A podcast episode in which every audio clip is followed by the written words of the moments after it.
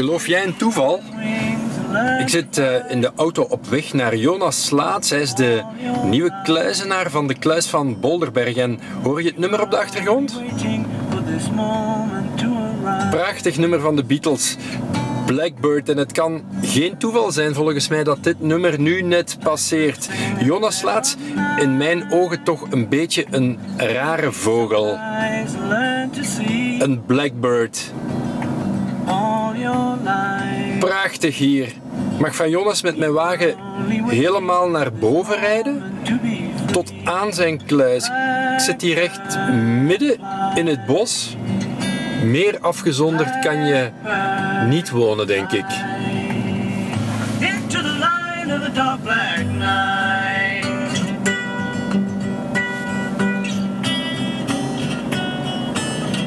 Voilà, we zijn er.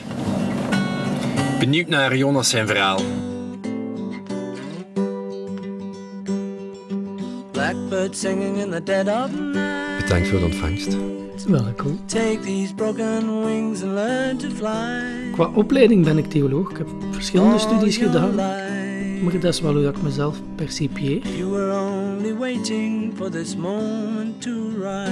Uh, aan de andere kant ben ik een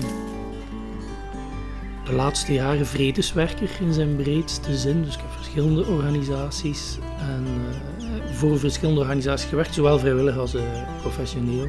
Dat zat vaak rond zo de multiculturele samenleving enzovoort. Dus het is sociaal-cultureel werk dat ik doe, maar in breedste zin is het eigenlijk vredeswerk.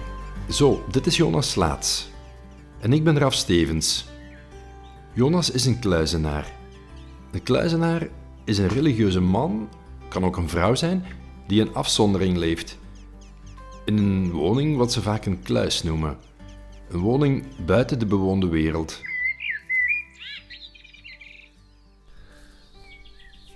Komen er veel mensen hier op bezoek, ook mensen die je niet kent? Bezoek is iets anders dan. Uh, de kapel staat altijd open natuurlijk bij ons, hè. echt altijd. 24 uur per dag, 7 op 7. En uh, de baron, van wie dat de kluis eigendom is, die heeft ons onlangs gezegd dat er 13.000 mensen op een jaar passeren hier. En begint te geloven dat het waar is. Als je ziet hoeveel volk dat er effectief, al is maar twee minuutjes, hè, een keer komt stilzitten en niks doen, uh, dat is gigantisch veel. Natuurlijk ook de dagelijkse terugkeerders, hè, de mensen die komen lopen of bij een hond. Maar heel veel daarvan. Uh, bijvoorbeeld, dat heb ik al gemerkt, twee loopsters die dan s'morgens standen er binnenkomen. En dan blijft er één even in de kapel zitten en de andere gaat een uh, kaarsje gaan branden.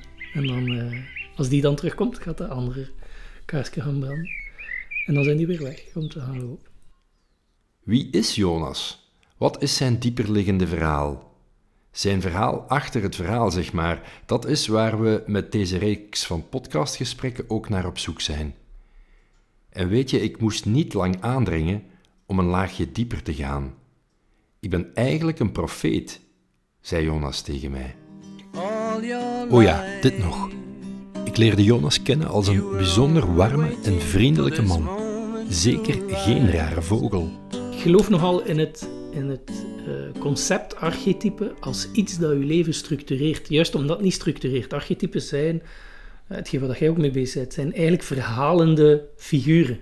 Dat is niet zozeer een, een kadertje van, pas nu als, eh, wat ik zei, theoloog of vredeswerker of zo. Dat is, dat is geen kadertje, maar dat, is, dat zijn concepten waar dat je als mensen kunt aan relateren. En rond die concepten van die figuren hangen een hoop verhalen. En archetypes kunnen zijn uh, de handelaar, uh, de leraar, uh, de, de magier, de, de wat? De helper. De helper, ja. Zo hopen archetypes die doorheen de, de, verschillende... De zoeker zeker, die komt ook overal in elke traditie tegen. En waar zit jij? En, wel, en ik plaats mij in de profeet. En het is daarom dat ik zeg dat ik het moeilijk vind, omdat de profeet hmm. klinkt dan direct, maar ik zie mezelf niet als een profeet zoals dat mensen dat zien, maar wel in de archetype.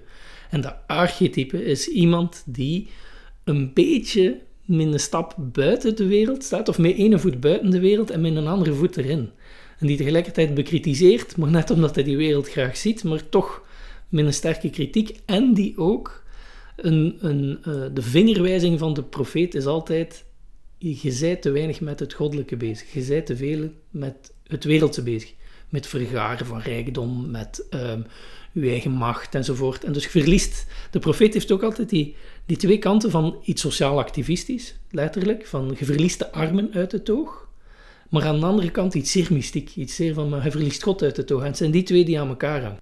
Sinds drie maanden woont Jonas in de Bolderbergkluis. Deze ligt op een bergje in het midden van een bos. Een beetje in schril contrast eigenlijk met de harde kant van onze westerse samenleving. Een wereld waar ook Jonas in het dagelijkse leven toch nog vaak vertoeft. Als schrijver, als spreker. Een wereld van druk, druk, druk wisselt hij af met bidden, mediteren en nadenken. Jonas woont er samen met zijn vrouw Barbara.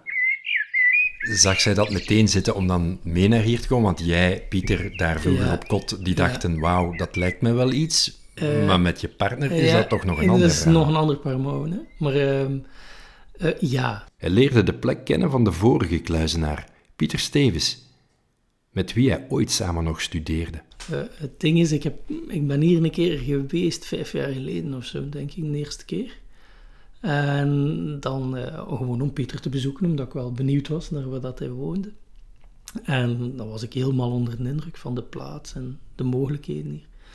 En dat heb ik jaren gezegd tegen mijn vrouw. En, en zij, eh, zij vond dan vaak, ze van, zwijg daarover, want dat klinkt te mooi om waar te zijn. Maar dan uiteindelijk zijn we een keer naar hier gekomen, echt. Omdat ik echt vond van, hij moet dat zien, had dat fantastisch vinden. En toen als hij hier kwam, was het eigenlijk gewoon liefde op het eerste gezicht. Met de plaats op zich. En toen hebben we tegen Pieter gezegd van, eh, als je hier ooit vertrekt, laat het ons weten, want we zijn echt wel kandidaat. Maar we hadden nooit gedacht dat dat drie maanden later ging zijn dat hij tegen ons zei, want het is goed, je moet u een brief opsturen eh, naar een baron en bisschop enzovoort. En dan, ehm, voilà, en dan negen maanden later zelfs zitten we hier, hè, september. Dus in januari zijn we hier de eerste keer op bezoek geweest. In maart eh, was er een opening. In mei wisten we dat we mochten verhuizen en in september. Je, je bent hier nu sinds september, dus een Mhm. dikke drie maanden. Ja, Als er één ding is wat je zou moeten noemen, dat je zegt van... Dat is nu toch wel heel speciaal. Iets dat top of mind is. Alles. Alles aan de plek voor mij. All I've ever wanted was an honest life. Dat is eigenlijk iets, ik kan een pieken van Barbara. Ehm, maar zij zegt vaak twee dingen. Eén, spiritualiteit. Als het daarover gaat. Ik weet, veel mensen zijn daar naar op zoek. Maar dat is de paradox van spiritualiteit. Wat is dat uiteindelijk? Uiteindelijk gaat dat over bezig zijn met datgene wat je niet kunt maken. Dus als je er hard naar op zoek zijn, ga je ook niet helpen. Het is iets dat ongecreëerd is en een beetje gegeven op zichzelf. En dus je kunt dat niet maken. All I've ever needed was a little time to grow. En dat is dan ook. De wereld kan van alles doen, maar dat dan weer niet. En dat mist ze na van tijd. Zeker in een, in een wereld als de onze, waar dat alles bijna gekocht en gemaakt wordt. Maar dat dan niet, omdat het niet gaat. En dan daarbij komend, dat, hangt heel sterk aan de stilte vast natuurlijk. Hè. De stilte ook kun je niet maken.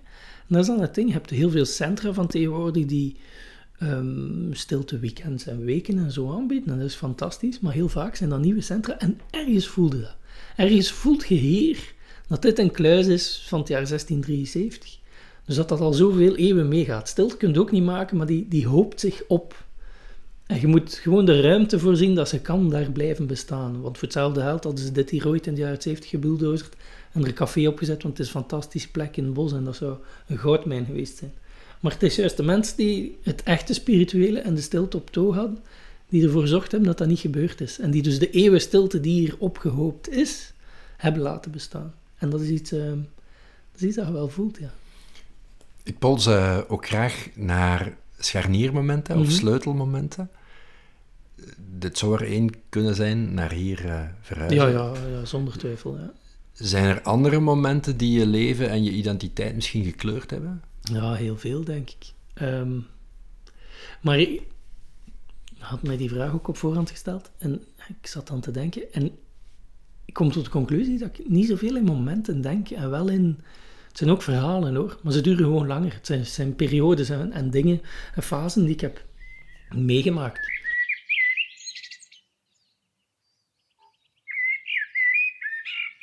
Kantelpunt daar was als ik in Pakistan zat, denk ik. Omwille van de mensen die ik ontmoet heb. En omwille van de ideeën die ik daar heb meegepikt. Maar ook daar kan ik geen één, één moment aan duiden. Hè. Er is daar ook een heel intense vriendschap met iemand ontstaan, die een van mijn... eh, de personen was die ik interviewde. Maar zij heeft mij zoveel gegeven, eigenlijk dat wel. Dat, maar ook dat was niet op het moment zelf. Maar een keer dat ik daar vertrok, heb ik beseft dat een hoop ideeën die ze mij gegeven heeft, allemaal puzzelstukken die in mijn leven al rondzweven, in elkaar hebben laten vallen. Dus ik heb een hele weg gedaan. Ik ben ook getrouwd geweest met iemand uit de islamitische wereld. Hè. Voor Barbara. Paar jaar. Maar ik heb gewoond in Turkije enzovoort. Dus dat is ook wat voor mij de trigger is geweest om zoveel met islam bezig te zijn als christen. Hè, wat ik nog altijd ben en mij nog steeds voel. Eh, qua traditie ben ik christen. Maar die, dat graven in islam is dus om een persoonlijke reden begonnen. Ik ben daar gaan wonen, ben gaan zoeken.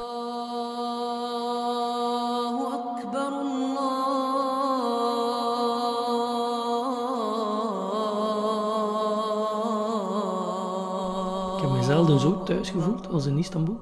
Behalve hier misschien, in de kluis. Wat dat totaal tegenovergesteld is. Hè? Dus dat is interessant. Istanbul is 16 miljoen man op een hoop. Dat krioelt aan de lopende band.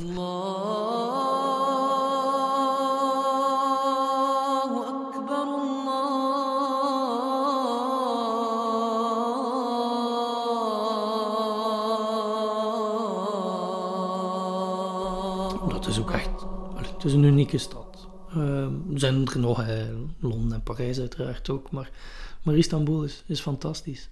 Ehm, maar het was eigenlijk ook... allee, het heeft mij op mijn weg gezet. eh, Naar, naar dieper graven in islam, tot daar aan toe. Maar voor mij was alles evident. Hè. En ik denk eigenlijk dat dat was. De spanning tussen... Ik was een theoloog, ik was sowieso geïnteresseerd in alle grote tradities. Dus ook in de islam. En ik zag daar het probleem niet van. Maar ik begon alsmaar meer te merken, in 2006, dan zei het al vijf jaar na 9-11, begon alsmaar meer die, die, dat anti-islam gevoel te voelen in de samenleving. أشهد أن محمد رسول الله Wat geeft jou vandaag energie? Ehm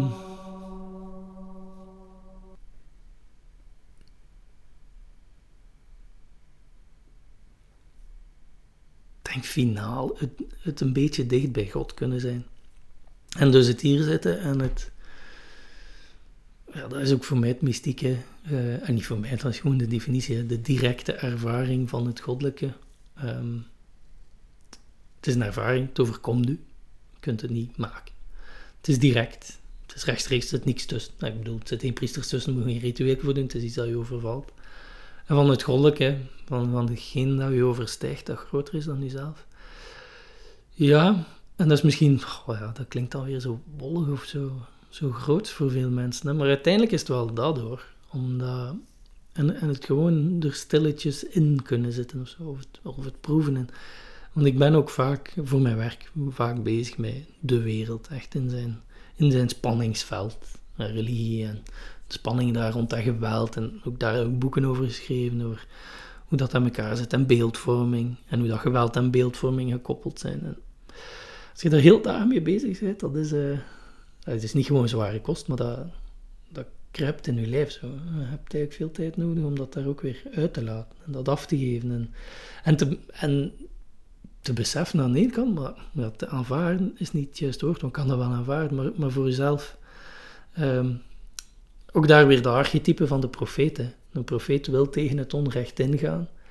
Ik vind dat ook noodzakelijk, je moet het benoemen. Maar als je heel dagen met onrecht bezig bent, om duur worden zelf zo een kwaaie, verzuurde mensen, daar, daar moet je van opletten. Dus dat, dat onrecht, dat is iets eh, fenomenaal, maar je moet gewoon aanvaarden dat je het uiteindelijk niet in de hand hebt. En ook daar het overstijgen is dan van belang, dat je iedere keer opnieuw kunt zeggen, maar het is waar. In the end, dat is een van die figuren waar ik mijn, mijn reis doorheen de islam, ook een van die figuren die mij heel hard geraakt heeft, eh, was een persoon die dat zei, in the end God is in charge of history. En hij, vo- hij voegde daar zelfs aan toe, een van de problemen, als het dan toch over fundamentalisten gaat, de dag van vandaag, is dat het probleem van de fundamentalist. De fundamentalist denkt dat hij de geschiedenis in de hand heeft. Dat zijn daden er zullen voor zorgen dat hij de wereld naar zijn hand kan zetten. En dus hij beweert in God te geloven, maar het is niet waar. Het is God die de geschiedenis in de hand heeft en hij niet. Maar als je dat doortrekt, dan is onze samenleving ook uh, aan razend tempo fundamentalistisch aan het worden. Want we denken ook allemaal dat we de wereld in de hand hebben en naar ons hand kunnen zetten. En, uh, daarvoor moeten we nog niet in God geloven, maar dat op zich, dat idee is problematisch. Want nee, we zijn met 6 miljard en nee, je hebt het niet in de hand. En soms moet je het afgeven aan de processen die wat groter zijn dan nu. Anders gaan de, gaan de mensen in hun eigen, uh, in hun eigen waanbeelden gaan gevangen zetten.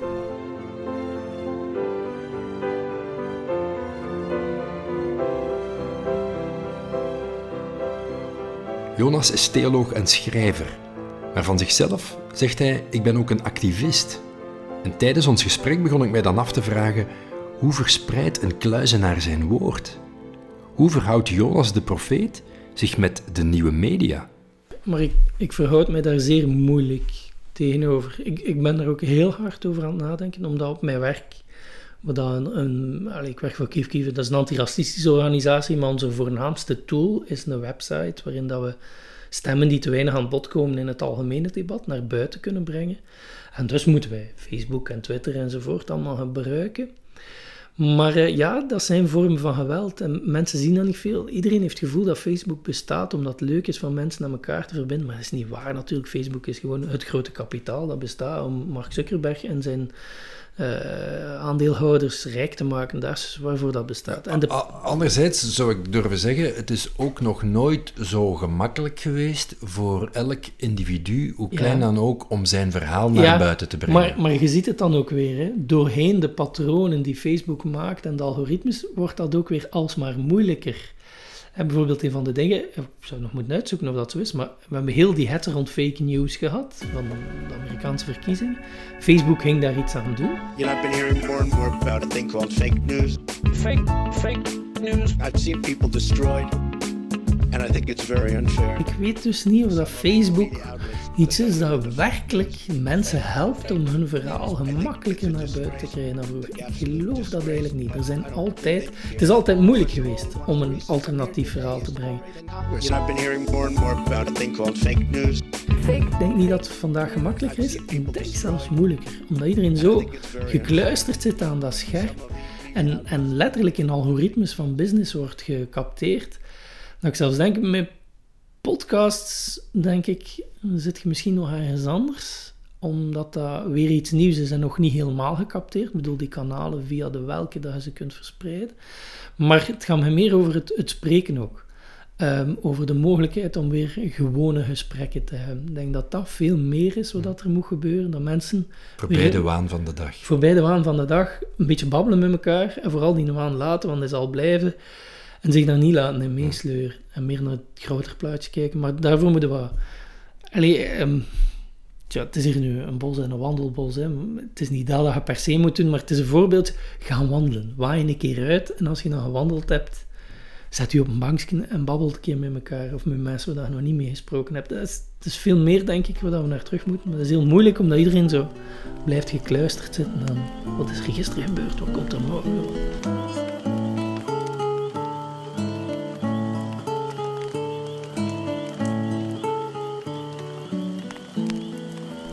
En social media is niet het nieuwe kampvuur. Nee, is niet het nieuwe kampvuur. Nee, is het nieuwe... Ik weet het niet wat het is, maar het nieuwe opruien of zoiets. Ja, ja. ja. Ik zou nog een keer... In, in die metafoor zou ik een vergelijking moeten zoeken. Maar een kampvuur is inderdaad niet gezellig en warm is het niet. Maar je ziet dat ook gewoon. De, de bagger en de, het fulmineren constant is dat wat daar centraal staat. En niet, plat gezegd, uw gitaar pakken en laat ons een keer zingen. Want is eigenlijk ook wel plezant, zelfs al zijn er problemen. Allee, joh. Blackbird singing in the dead of night. Take these broken wings and learn to fly. En dan moeten we wel weer gaan zoeken. Ik zeg niet dat dat letterlijk kampvuur moet zijn. Het is niet dat iedereen naar de scouts moet, maar de maatschappij verschuift en draait en zoekt daar wel naar. Laat ons hopen dat dat komt, dat mensen weer wat gewoon kunnen samenzitten en babbelken doen. Iedereen heeft een verhaal. En ik heb met erg veel plezier geluisterd naar het verhaal van Jonas Slaats, de nieuwe kluizenaar van de kluis van Bolderberg. Dank aan Jonas voor de soep. Bedankt jullie voor het luisteren. De Storyclub podcast praat met bekende en minder bekende Vlamingen. Gaat op zoek naar hun verhaal achter hun verhaal. Want je weet het, achter het eerste gepolijste verhaal zitten vaak tweede en derde verhalen. Over het leven, over vallen en weer opstaan. Ken jij iemand met een meerwaardeverhaal? Stuur me dan een mailtje. Ons vuurtje brandt ook op Facebook. De Storyclub podcast. Maar houd het gezellig al daar. You were only waiting for this moment to. Blackbird. Blackbird dark black night. Blackbird singing in the dead of night.